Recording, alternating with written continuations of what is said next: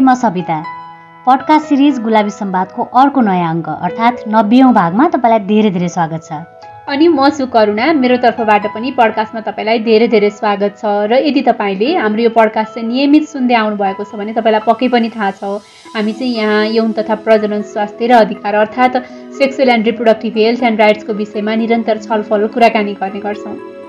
पक्कै पनि। र यो छलफलको श्रृङ्खला चाहिँ विगत नब्बे हप्तादेखि हामीले गरिरहेका छौँ। आशा छ हामीले गुलाबी सम्वाद मार्फत उठाएका विषयवस्तु तपाईँका लागि पनि पक्कै पनि उपयोगी भइरहेको छ।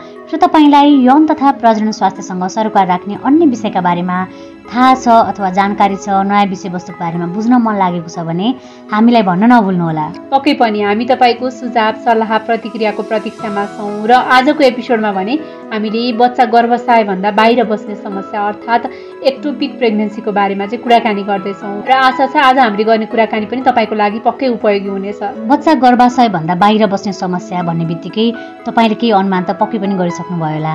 कहिलेकाहीँ पाठेघरमा बस्नुपर्ने बच्चा पाठेघरभन्दा बाहिर बस्ने सम्भावना पनि हुन्छ। महिलाको पाठेघरको बाहिर यदि गर्भधारण भयो भने बच्चा बस्यो भने त्यसलाई चाहिँ एक्टोपिक प्रेग्नेन्सी भनेर भनिन्छ। र यो चाहिँ धेरै जसो डिम्बा बाहिनी नली फेलोबिन ट्युबमा त्रियानब्बेदेखि सन्तानब्बे प्रतिशतसम्म चाहिँ देखिन्छ। र त्यो मात्रै नभइकन यो कहिलेकाहीँ चाहिँ अन्य भागमा जस्तै अन्डाशय पेट र पाठेघरको तल्लो मुखमा पनि देखिन सक्छ। हो नि करुणा। अझ कतिपय अवस्थामा त झन् शल्यक्रिया गरेर बच्चा जन्माइसकेका महिलाको पाठेघरको घाउमा पनि गर्भ बसेको पनि पाइरहेको छ कि? र त्यसैले पनि यो अवस्था हुन नदिनको लागि चाहिँ समयमै ख्याल गर्न एकदमै आवश्यक छ। किनकि कहिलेकाहीँ यही समस्याले गर्दा महिलाको ज्यान नै खतरामा पनि हुनसक्छ। हो नि सविता र यदि कुनै महिलालाई एक्टोपिक प्रेग्नेन्सी भइरहेको छ भने पुनः दोहोरिने सम्भावना पनि हुँदो रहेछ कि धेरैमा?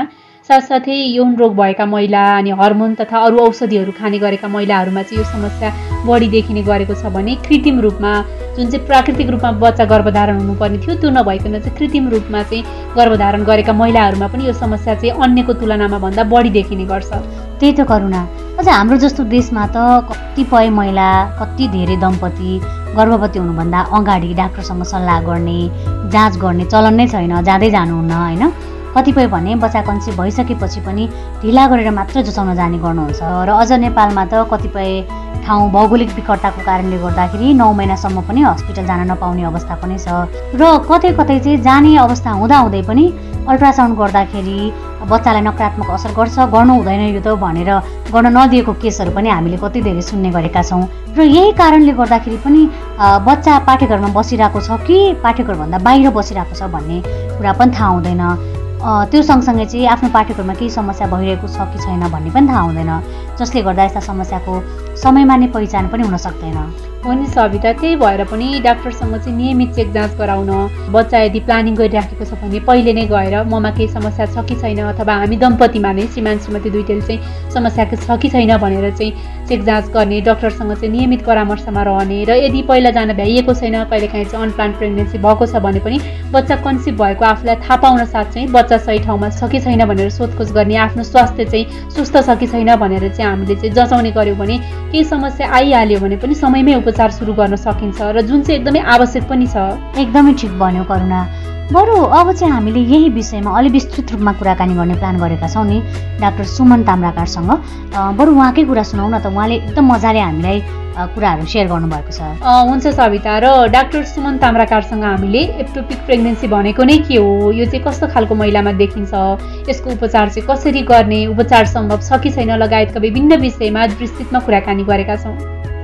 पाठेघर बाहेक स्त्री जनेन्द्रियको अन्य अङ्गहरूमा अझ त्यो भित्री पेटमा पनि निषेचित डिम्ब बस्न गएको अवस्थालाई चाहिँ मेडिकल भाषामा चाहिँ हामी अङ्ग्रेजीमा एक्टिपिक प्रेग्नेन्सी भनेर चाहिँ बुझ्छौँ त्यो भनेको चाहिँ सामान्यतया पाठेघरभित्र गर्भबाट बस्नुपर्ने ठाउँमा पाठेघर बाहेक अन्य ठाउँमा बसेको गर्भलाई चाहिँ एक्टोपिक प्रेग्नेन्सी भनिन्छ।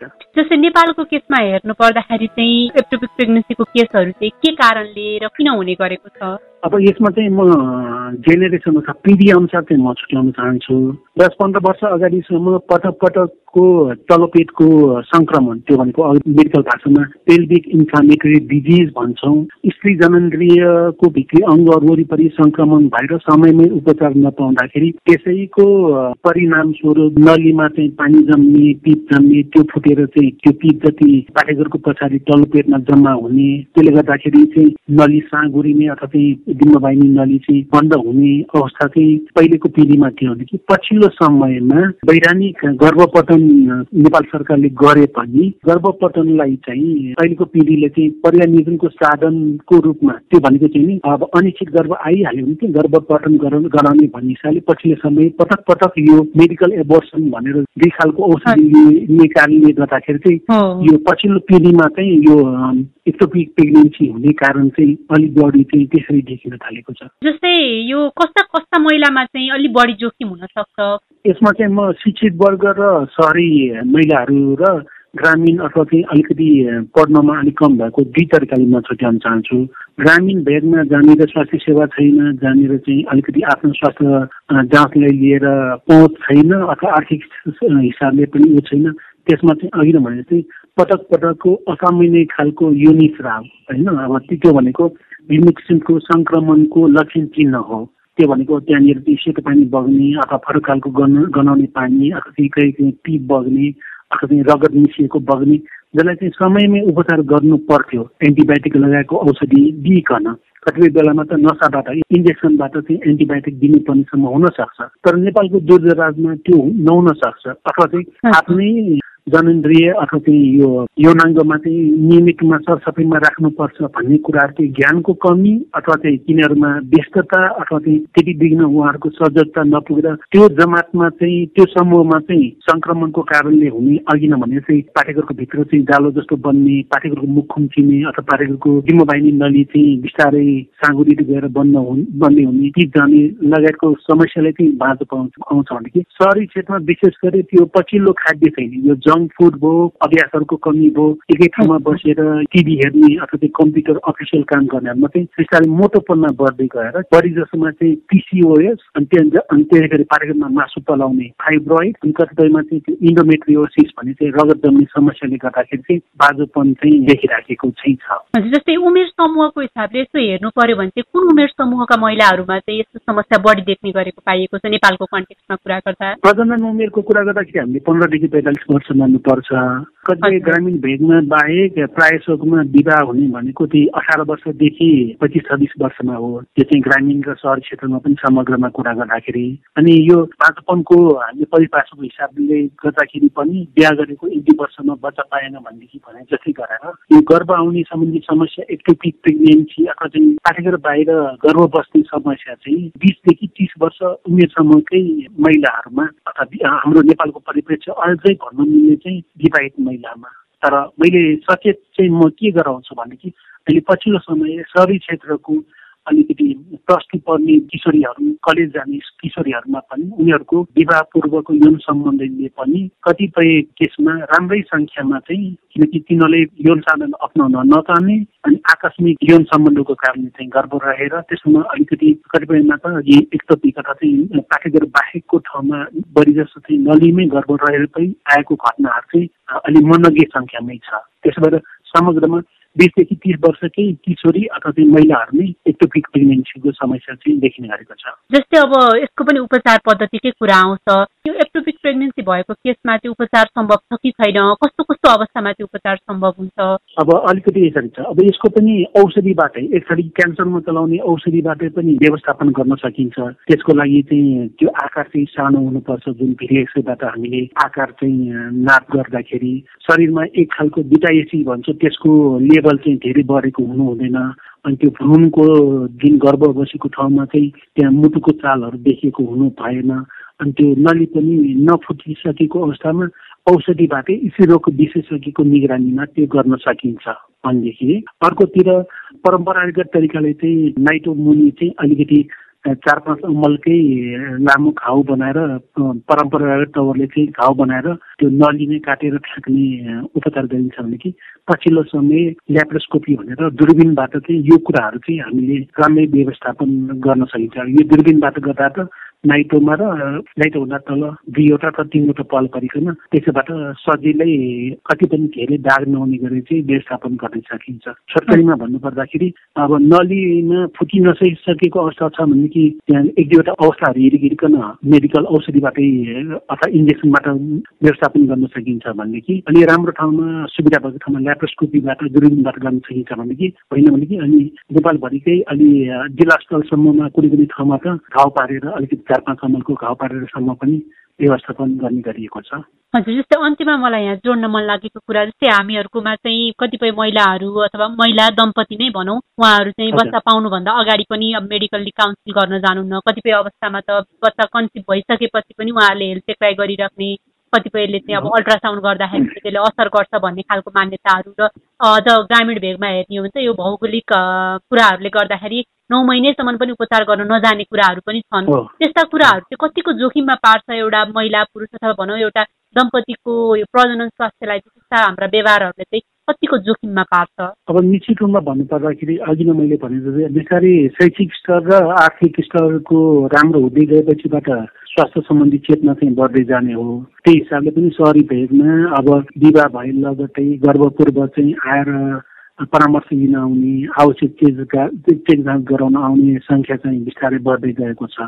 त्यो कुरा चाहिँ ग्रामीण भेगमा दुर्गाराजमा चाहिँ उहाँहरूले चाहेर पनि अब स्वास्थ्य सेवा अनि विशेषज्ञहरू स्वास्थ्य कर्मीहरूको उपलब्ध नहुँदाखेरि चाहिँ त्योबाट वञ्चित भइराख्नु भएको छ। अथवा चाहिँ महत्व नबुझेर पनि हुनसक्छ भन्नु पर्दाखेरि अब जसरी कि सामान्य तौरले चाहिँ मान्छेहरूले होल बडी चेकअप गराउने भनेर किडनीको अवस्था मृगलाको अवस्था कस्तो छ कलेजको कस्तो छ बुटुको अवस्था कस्तो छ भनेर बिस्तारै चेक जाँच गराउन थालेको छ।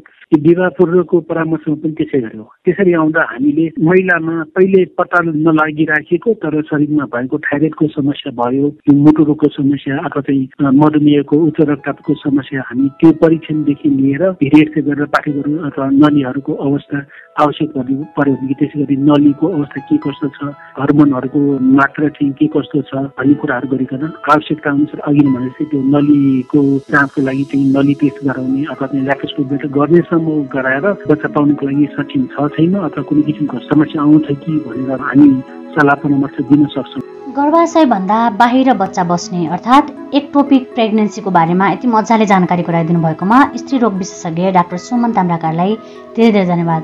र तपाईँलाई यसको बारेमा थप जानकारी लिन मन छ अथवा यस्तै समस्याको अनुभव हामीसँग सेयर गर्न मन छ भने पनि हामीलाई हाम्रो इमेलमा इमेल गर्न सक्नुहुन्छ।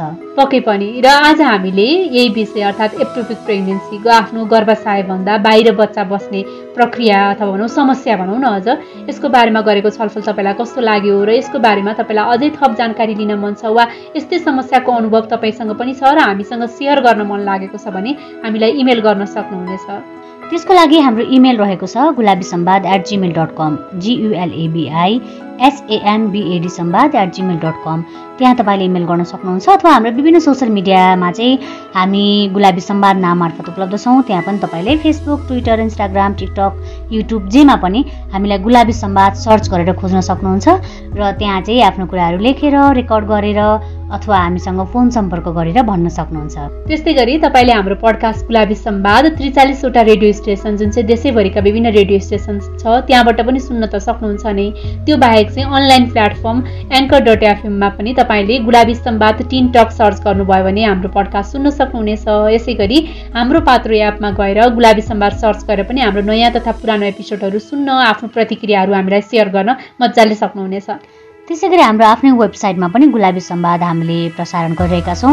हाम्रो वेबसाइट चाहिँ W dot Gulabi Sambad dot com नाममा छ। त्यहाँबाट पनि तपाईँले कार्यक्रम सुन्न सक्नुहुन्छ र किशोर किशोर लेख्नुभएका गुलाबी उमेरका गुलाबी भोगाई पढ्न पनि सक्नुहुन्छ र तपाईँका पनि त्यस्तै खालका छन् भने हाम्रो इमेलमा पठाउन सक्नुहुन्छ। यो जानकारी सँगसँगै आजको लागि भने बिदा नै माग्नुपर्छ सविता र आजको कार्यक्रम सुनिसकेपछि तपाईँको मनमा लागेका कुराहरू पनि हामीलाई भन्दै गर्नुहोला भन्दै यौन तथा प्रजनन स्वास्थ्य र अधिकारको बारेमा छलफल गर्ने पडकास्ट सिरिज गुलाबी सम्वादको नाइन्टीको एपिसोडबाट सविता र करुणा बिदा माग्छौँ। नमस्ते। अर्को श्रृङ्खलामा पुनः भेट्नेछौँ।